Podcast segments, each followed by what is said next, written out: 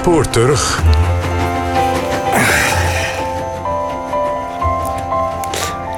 Zucht van Jos nog eventjes voor het spoor terug. Snel rijk worden. In de 18e eeuw deed je dat op Sint Eustatius. Statia, zoals het eiland in de volksmond heet, groeide in die tijd uit tot het belangrijkste handelscentrum voor de Amerikaanse opstandelingen. Ze hadden Statia nodig voor zo ongeveer alles. Van het versturen van simpele brieven tot drank, wapens en buskruid. In het spoor terug reist Pieter Bas van Wiegen naar Sint Eustatius op zoek naar de roemruchte geschiedenis. Hoe kijken de eilandbewoners van nu terug om dat omstreden verleden? I would say that at the time of the revolution, he was considered an absolute hero.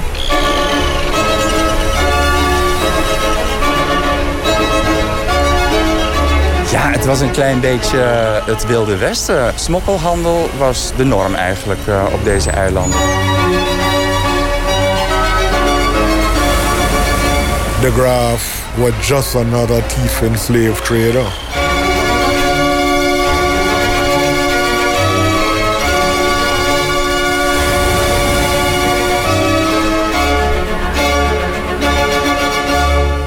Als bezoeker van Sint-Eustatius schrik je bijna als je hier aankomt. Er staan zoveel monumenten en ruïnes op dit eiland. Ik sta op dit moment in de benedenstad van Oranjestad. En daar zijn ze echt overal. Tegen de klif overwoekerd door planten... en in de branding waar de Stasiaanse kinderen spelen. Al eeuwen verweren de brokstukken zich hier tegen de almaar beukende golven. De Gouden Rots, de Golden Rock. Zo luidt de bijnaam van dit verstilde historische eiland. Wat is er gebeurd dat deze verlaten plek die naam kreeg? Ik loop langs de klif omhoog, via het B-paf, naar de bovenstad. Daar vind ik Fort Oranje. Het eiland lijkt te slapen, maar bovenop dit fort wappert de Nederlandse vlag nog altijd. En kanonnen wijzen er naar de zee. 16 november 1776. Voor de kust van Sint Eustatius lag een schip met een onbekende vlag. Er klonken schoten ter begroeting. De commandant van Fort Oranje herkende de vlag niet en hij twijfelde. Het was een schip van Amerikaanse opstandelingen, de Andrew Doria. Beantwoord de saluutschoten, beval Johannes de Graaf, de kerstverse gouverneur van het eiland. Het nieuws ging als een lopend vuurtje de wereld over. De Republiek erkent Amerika en de graaf was in één klap wereldberoemd. In plaketten op Fort Oranje herinnert nog aan deze first salute. Met niet de minste ondertekenaar. In commemoration of the salute to the flag of the United States fired in this fort on 16th November 1776 by order of Johannes de Graaf, governor of St. Eustache. Gay Soetekau leest de plaketten voor die de Amerikaanse president Franklin D. Roosevelt hier achterliet in 1939. Gay is een geboren Amerikaanse, maar ze woont al jarenlang op Statia. Ze is de voorzitter van de SeaCar, het archeologisch centrum op het eiland... en ze leidt iedereen die dat maar wil rond. Het Nederlandse eiland en de First Salute zijn cruciaal, zegt Soetekau. Voor het eerst erkende een buitenlandse mogendheid, Nederland in dit geval, de Verenigde Staten. Voor de Amerikanen was de graaf een absolute held. At the time of the revolution, he was considered an absolute hero.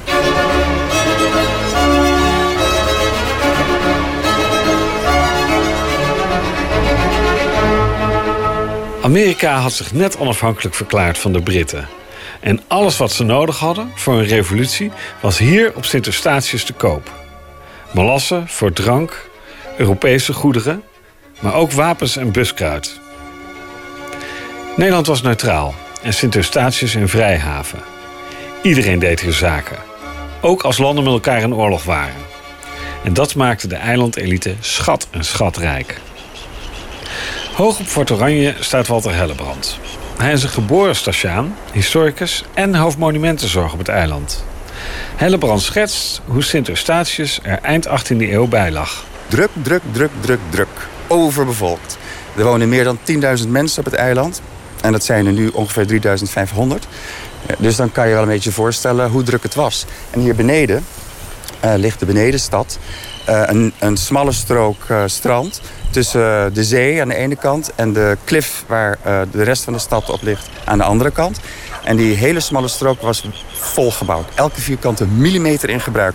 Met pakhuizen, woonhuizen, kroegen, herbergen, hoerententen...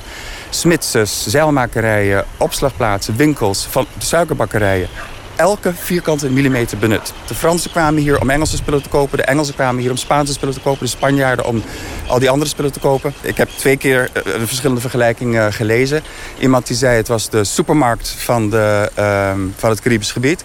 En wat meer recenter zei iemand... Uh, Station was gewoon de Amazon.com van de 18e eeuw. Je kon hier alles krijgen.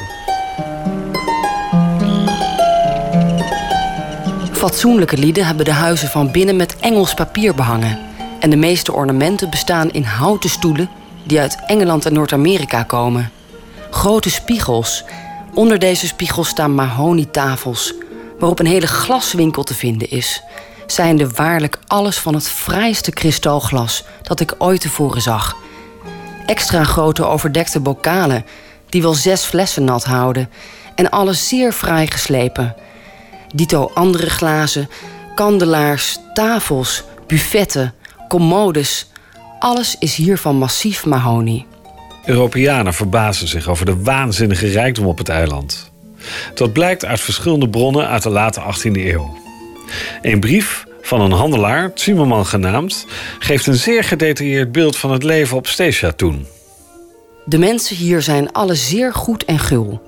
Men loopt ongegeneerd bij de vrienden in huis en vindt er altoos drank in overvloed. Men neemt al wat men wil en gaat weer weg of zegt: Ik blijf eten. Dit wordt alles voor wel en goed aangenomen. Als er partijen gegeven worden, zijn die veel briljanter dan in Europa. Er wordt niets ontzien. Een schildpad. Madeira-wijn wordt hier als water gedronken.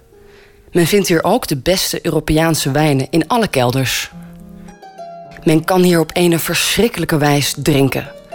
Ik gebruik uit voorzorg veel water onder mijn wijn.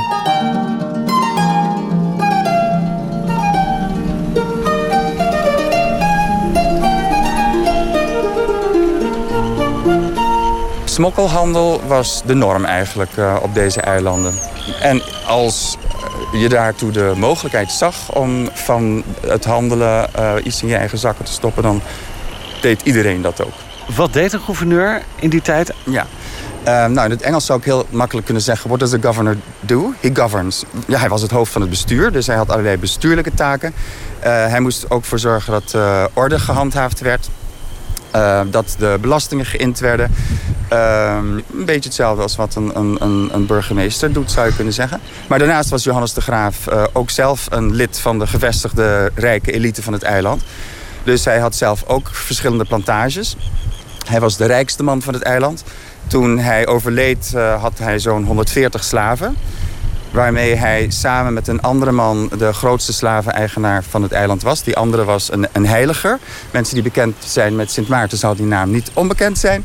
Daarnaast uh, was hij zelf ook uh, handelaar. Dus hij, hij voerde ook in en uit. Wat weten we wat voor man het was? Het is altijd een beetje speculeren, maar dat hij een, uh, een arrogante man was, uh, dat is natuurlijk ook heel makkelijk. Hè? Als je de rijkste en machtigste persoon op het eiland bent, dan glij je snel naar arrogantie toe. Een, een man, um, ja, die, die altijd vond dat hij gelijk had. Dat hoort bij die, die arrogantie. Al dus Walter Hellebrand. De graaf was dus eigenaar van meerdere plantages. En in het centrum van Oranjestad had hij ook een groot huis. Op het vlakke deel verderop op het eiland, tussen de twee vulkanische bergen, lagen de plantages. Op de meeste werd suiker verbouwd. Een van de plantagehuizen van de graaf staat er nog. Het is een vervallen ruïne naast het vliegveld. Ik bezoek het met Gay Soetekau. This is Concordia, which was his country home. And as you can see, it was a two-story structure that was quite large and it was made of stone. Dit was zijn buitenhuis, vertelt Soetekau. Je kunt zien dat het een groot gebouw was, van steen, met twee etages en een mooie grote trap die naar boven leidt. Misschien gebruikte hij de begane grond als kantoor. Het was een plantage waar slaven werkten. Archeologen hebben uitgebreid onderzoek gedaan. En ze vonden hier onder andere een complete suikermolen. Gedurende zijn leven wist de graaf steeds meer plantages in handen te krijgen. En sommige kocht hij gewoon, maar andere, daar had hij ook een heel interessante methode voor. Hij nam de schulden van overleden plantage-eigenaren over... en dan zorgde de graaf verder voor de weduwe... en sprak daarbij af dat de plantage aan het eind van haar leven van hem werd. We gaan de ruïne in. So you can you see there's not much left, but here you see the JDG Johannes de Graaf. But you see, there's been a fire in here, which is not as often happens, particularly with deserted buildings. But you see that there was a door there, a window there. It's really quite a large house. Ja, het is een vrij groot huis. Het is wel natuurlijk veel verbouwd in de loop der tijd. Maar de contouren ervan staan nog en weggepleisterd. Er is een brand geweest, het ziet er niet heel vrij meer uit. Maar boven de deur hebben ze uitgespaard gelaten... Uh, de initialen van Johannes de Graaf. En wat kunnen we daar lezen? 1777? Oh nee, 1771. 1771. Ja, precies, ik zie het. So prior to the first salute. The evening program at the stage on Photo Running opposite Charlie's Race will consist, of course, of cultural dances, poem, and skits depicting the cultural life on Statia on uh, this day, which is Emancipation Day, July the 1st. July was the day when the joyous news was told, was told, told, told to the people young and old. Oh, happy, happy July Day. I live to. Oh, happy, happy July Day. We are free today. Oh, happy, happy July Day. To. Oh, happy, happy July Day. We are free today. Happy. Eén keer per jaar vieren de Statianen de saluutschoten aan Amerika. Op 16 november, Statia Day. En één keer per jaar vieren ze de afschaffing van de slavernij. Op 1 juli, Emancipation Day. En op die dag ben ik erbij. Er is een kleine protestmars voor meer autonomie. En enorme luidsprekers op pick-up trucks rijden voorbij. Maar welke feestdag is eigenlijk belangrijker voor de eilanders? De First Salute of het einde van de slavernij?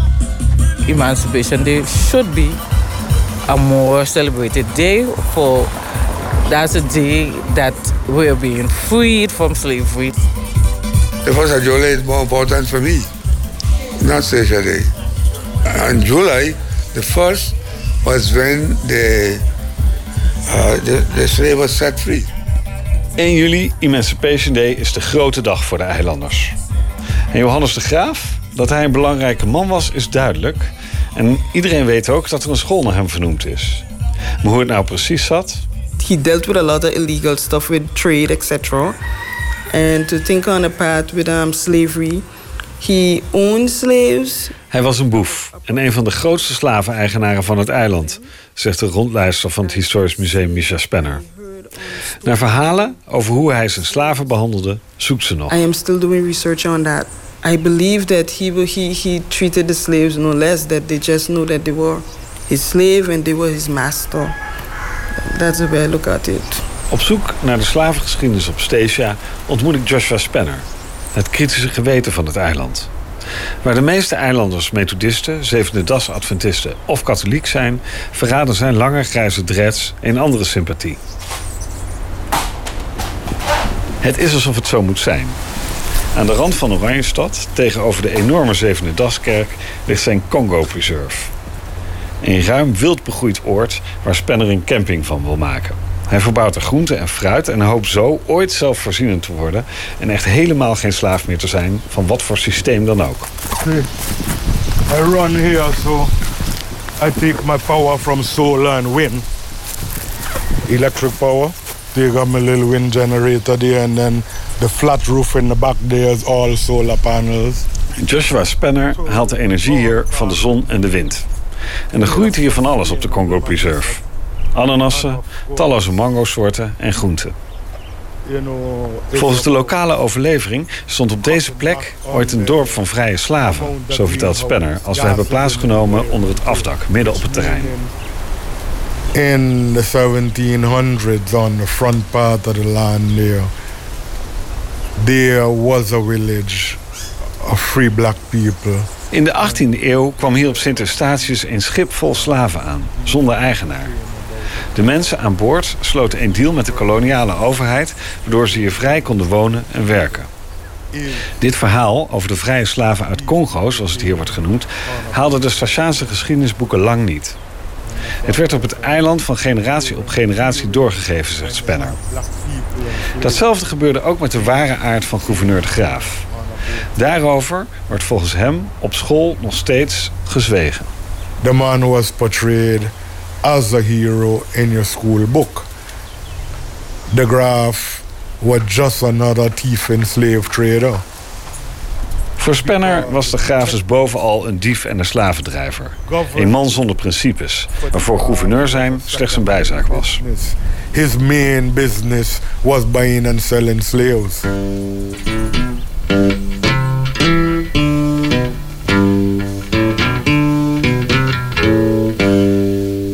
Simerman getuigt in een brief uit 1792 hoeveel slaven er op Sint Eustatius leefden en hoe ze werden behandeld.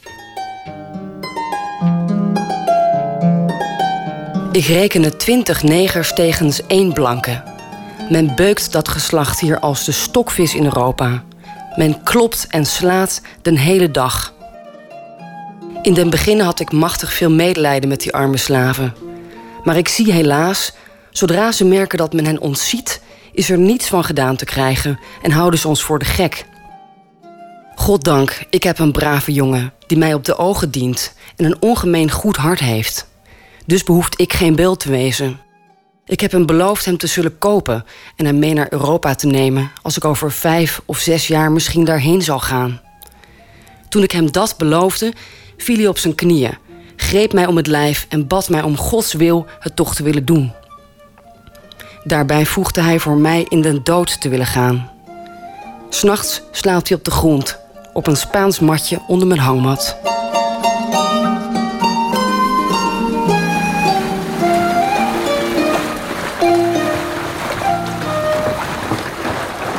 This rock, of only six miles in length and three in breadth, has done England more harm than all the arms of her most potent enemies, and alone supported the infamous rebellion.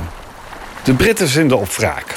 Admiraal George Rodney beloofde het dievennest Sint Eustatius met de grond gelijk te maken. Deze rots heeft Engeland meer schade toegebracht dan alle wapens van zijn grootste vijanden. Het heeft de schandalige opstand gesteund. When I leave the island of St. Eustatius, it will be as barren a rock as the day it erupted from the sea. Instead of one of the greatest emporiums on earth, it will be a mere desert and known only by report. Als ik klaar ben met Stacia, zei Rodney, zal het een kale rots zijn. Een van de grootste warenhuizen ter wereld zal desolaat eindigen. En zo geschiedde, want in 1781 viel hij aan. Walter Hellebrand. Nou, op een gegeven moment werden de Britten inderdaad te bond. En in 1781 uh, hebben ze uh, de Republiek der Verenigde Nederlanden de oorlog verklaard. Dat was de vierde Engelse oorlog die het einde beteken, zou betekenen van Nederland als uh, wereldmogendheid. Was dat ook het einde van Statia? Een van de eerste dingen die de, Engelse, de Engelse regering deed was hun admiraal Rodney erop uitsturen om het eiland Sint Eustatius uit te schakelen. Dus dat, dat kwam hij ook doen. In 1781 hij, uh, kwam weer op Sint-Eustatius aan met een grote vloot. Hoeveel, hoeveel, hoeveel schepen? Ik bedoel, zag het echt zwart van de schepen? Ja, het, het, uh, er zijn uh, afbeeldingen van. En inderdaad, waar ik nu sta... mijn hele blikveld, als je gewoon recht voor je uitkijkt... zou gevuld zijn met Britse schepen. En nou ja, de, de, de, diezelfde Johannes de Graaf was nog steeds gouverneur. Die kon met geen mogelijkheid die overmacht tegenhouden... Dus hij en zijn bestuur hebben uh, inderdaad de, over, de overgavepapieren getekend.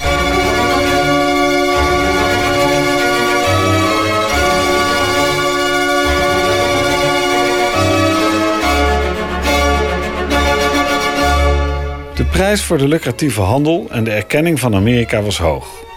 Slaven, koopwaar, paarden, vee en zelfs huisraad. Admiral Rodney plunderde alles wat de graaf en alle andere handelaren op het eiland hadden verdiend. De gouverneur was geschokt. Het was als een droom. Ik vroeg de Britse commandant James Cockburn of het echt oorlog was tussen Holland en Engeland. Hij antwoordde: Yes, sir. En ik heb de verklaring op zak. 54.654 peso's aan goud, zilver en munten hebben ze van me afgenomen. Het is per rijtuig onder gewapende escorten naar het hoofdkwartier getransporteerd. De Britten namen de graaf mee naar Engeland. En daarna mocht hij snel terug naar Sint Eustatius. Daar zag hij hoe het eiland al snel weer in Nederlandse handen kwam. Maar gouverneur werd hij niet meer. Als vrijhaven kende Sint Eustatius nog jaren van economische voorspoed. Maar ook steeds meer andere landen stonden vrije handel toe. Ook ik moet Statia helaas verlaten en keer terug naar Nederland, waar het koud is en regent, alsof het zo moet zijn. In de Amsterdamse grachtengordel tref ik historicus Victor Enthoven, docent mondiale geschiedenis aan de Vrije Universiteit. Hij onderzocht de internationale handel van en naar Statia. We hebben afgesproken op de Keizersgracht, waar John Adams, de eerste ambassadeur van de Verenigde Staten, korte tijd woonde. We hebben hier afgesproken omdat u wat wilt eh, doen over Sint Eustatius en uh, de Verenigde Staten van Amerika. En John Adams was de eerste ambassadeur van de Verenigde Staten in Nederland. En de aanleiding was min of meer Sint Eustatius. Ah, en waarom was Sint Eustatius dan zo de aanleiding? De opstandelingen die uh, waren naarstig op zoek naar uh, oorlogsmaterieel en geld. En dat dachten ze in Amsterdam te kunnen krijgen. En dat is ook uiteindelijk gelukt. De Amerikaanse opstandelingen keken voor een deel, haalden hun inspiratie ook voor een deel uit de Nederlandse opstand. Aan de andere kant was voor, um, waren de Amerikanen voor de Nederlandse patriotten ook weer een inspiratie. Een voorbeeld in de verte. En je ziet dus dat dat idee van burgerlijke vrijheid, dus in plaats van een onderdaan ben je vrij burger, dat dat idee, dat dat, uh, uh, laat ik zeggen, uh, zowel in Nederland, in de Republiek als in Noord-Amerika, elkaar ver, verbond. Kijk je naar handeldrijven, de Amerikanen hadden natuurlijk altijd het juk gehad van de actes van navigatie. Terwijl Nederland had de ideologie van vrijhandel. Dus ook in dat opzicht vonden ze elkaar wel. En zie je dus ook wel dat, um, dat er relatief veel Amerikanen tijdens hun strijd in de republiek kwamen. Dat was eigenlijk een constant komen en gaan van allerlei Amerikanen. Nou ja, en John Adams was daar dan één van. Ja, hij is nooit op uh, Stacia geweest, hè, volgens mij, John Adams. Nee, maar zijn, de post ging wel via Sint Eustatius. De post van John Adams ging nou, van dit huis dus over... Ja, dat is niet helemaal waar, omdat dat kon tot februari 1781. Um, uh, laat zeggen, zijn voorgangers, want er waren voor hem ook wel een aantal Amerikanen in uh, de Republiek. En die maakten consequent gebruik van Sint Eustatius. Voor de Amerikanen was Sint Eustatius het postadres. Rond 1779 en in 1780 kwamen er ongeveer 3000 schepen per jaar op Sint Eustatius aan. En dat is evenveel als dat er in Amsterdam aankwamen. De schepen in het gebied waren veel kleiner. Maar laat ik zeggen, het aantal schepen was min of meer gelijk. En het was op dat moment echt een komen en gaan van schepen. Bij 3000 schepen per jaar kwamen er dus gemiddeld 10 schepen per dag... ankerden in de haven van Sint Eustatius. Hoe neutraal ben je als je wapens verhandelt? Um, zaken zijn zaken. Dus dat mag gewoon. Dat mag gewoon. En in dit geval werden er wapens vanuit de Republiek verscheept naar een ander Nederlands grondge grondgebied, namelijk Sint Eustatius. De rol van Sint Eustatius in de Amerikaanse onafhankelijkheidsstrijd was cruciaal. Maar van de saluutschoten van Johannes de Graaf is Endhoven een stuk minder onder de indruk. Een volstrekt non-event. Um, Echt waar? Ja, omdat um, Sint Eustatius is een vrijhaven. En dat betekent dat elk schip, ongeacht de vlag die in, top, in, in, in, in de mast hangt, wordt begroet. Ook al zou er een schip zijn geweest met een tafellaken in de mast, dan zou dat ook zijn begroet. Het heeft verder ook geen uh, diplomatieke gevolgen gehad. De graaf werd wel even ter verantwoording geroepen. Maar uiteindelijk is het met een sisser afgelopen. Want het stelde niks voor. Omdat alles, elk schip was welkom op Sint Eustatius. Oké, vanuit die optiek misschien wel. Maar het is natuurlijk later wel, althans later zelfs al in die tijd... vrij breed uitgeweten in de pers dat dit gebeurde. En had dat niet uh, gevolgen? Alleen symbolische waarde. Meer niet.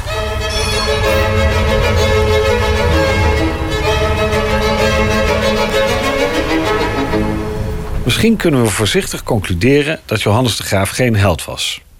Hij was eerder onderdeel van Amerikaanse propaganda. Slavenhandelaar en slimme zakenman, dat was hij zeker. Maar hoe liep het met hem af? He had a grandson and a son who both had a very bad drinking problem. De zoon en de kleinzoon van de graaf plonken vooral uit in drinken en gokken, vertelt Kees Soetekau. Zijn zoon werd in Nederland van de universiteit getrapt. En alles wat de graaf verdiend had, smeten zijn zonen op Stasia over de balk met hun losbandige levensstijl. Behalve de First Salute heeft de graaf dus vooral lege flessen nagelaten. So his name is not remembered well, except that he was the governor during the time of the First Salute. Maar veel belangrijker is de vraag hoe het Stasia verging na de Amerikaanse onafhankelijkheid. Je zou kunnen zeggen dat die heel erg sterke groei van de economie van Sint-Eustatius eigenlijk op een soort zeepbel rustte. Want uh, vanaf 1720 uh, eh, groeide de economie van Sint-Eustatius snel, omdat toen inderdaad het neutrale eiland handelaars van overal aantrok. Bovendien was het een belastingvrij uh, eiland. En toen kreeg je 1776 uh, dat de Amerikanen zichzelf onafhankelijk verklaarden. En die Amerikanen die waren dus 100% afhankelijk van dit kleine eilandje. En toen ging de, um, de grafiek van de economische groei van, van Sint-Eustatius bijna met een hoek van 90 graden de lucht in. Maar rustend op die zeepbel van die Amerikanen die Stasia nodig hadden. Nou, op een gegeven moment uh, hadden de Amerikanen gewonnen. Er werd vrede gesloten met Engeland. En langzamerhand begon de rest van de wereld, de, de, Verenigde Staten van Amerika, ook te erkennen als land. Er kwam rust in dat nieuwe land. Wat betekende dat ze hun eigen netwerken konden ontwikkelen, hun eigen handel konden uitbouwen. Ze hadden Sint-Eustatius niet meer nodig. Ze voeren langs Sint-Eustatius heen. Uh, dus die hele tussenhandel waar het eiland op dreef, die, die zeepel, die spatte uit elkaar. Dus dan zou je kunnen denken, dan gaat de grafiek terug naar de plek waar de, die opgaande lijn was voordat die zeepel begon. Alleen was inmiddels uh, het, het, geopolitieke landschap veranderd. De uh, Vierde Engelse Oorlog had ervoor gezorgd dat Nederland niet meer een wereldmogendheid was van hetzelfde formaat als daarvoor. En de Amerikanen hadden Sint-Eustatius niet meer nodig. Dus toen vanaf zeg, maar 1795 begon de neergang van Sint-Eustatius. En die ging heel erg snel. Ik zeg altijd om, om aan te geven hoe snel dat ging, die hele bloei en ondergang. In het Engels, uh, from boomtown to ghost town in one generation.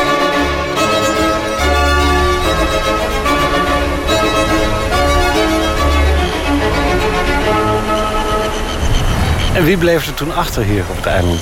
De, de, handelaren die waren de eerste om te vertrekken. Veel van die handelaren die hadden ook helemaal niets met welk Europees gezag ook te maken. Uh, want het eiland trok ook veel avonturiers aan. Het was eigenlijk een beetje zoals Sint Maarten uh, uh, in, in de recente jaren. If you want to make a quick buck, go to Stasia. Toen, wat, dat is nu meer Sint Maarten geworden. Nou ja, toen die quick buck er niet meer was, gingen ze gewoon allemaal weg. De, die Amerikanen, de Britten, de Fransen, de, de Italianen, de, de Zweden, de Noorden, de, gaan ze maar door. Die erachter bleven, dat waren de uh, oude grondbezittende families. Zoals de de Graafs, de Heiligers, de Mussenden, de, uh, de Wind, de, de Veer, met hun slaven. Maar op een gegeven moment, uh, ja, die mensen waren een bepaalde status en uh, inkomen gewend. En uh, ja, dat luxe leven dat ze gewend waren, dat kon niet meer op zijn stages. Want het eiland was, werd echt, was, zakte echt af naar diepe armoede. Dus die vertrokken ook. die gingen vooral naar St. Thomas, St. Croix. Dat zijn de Amerikaanse Virgin Islands. En of naar Curaçao of Noord, vooral Noord-Amerika. Of naar Guyana of Suriname. Uiteindelijk woonden er op Stasia bijna alleen nog maar nazaten van slaven. Onder hen de familie van Joshua Spanner. Die zegt dat de bevolking nog altijd zucht onder het juk van het verleden. It show you the colonial hangover that my people have in their mind still. Wij waren slaven, zegt Rastafari.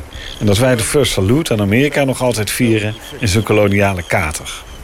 Het heeft niets te maken met ons Tashanen die hier achterbleven.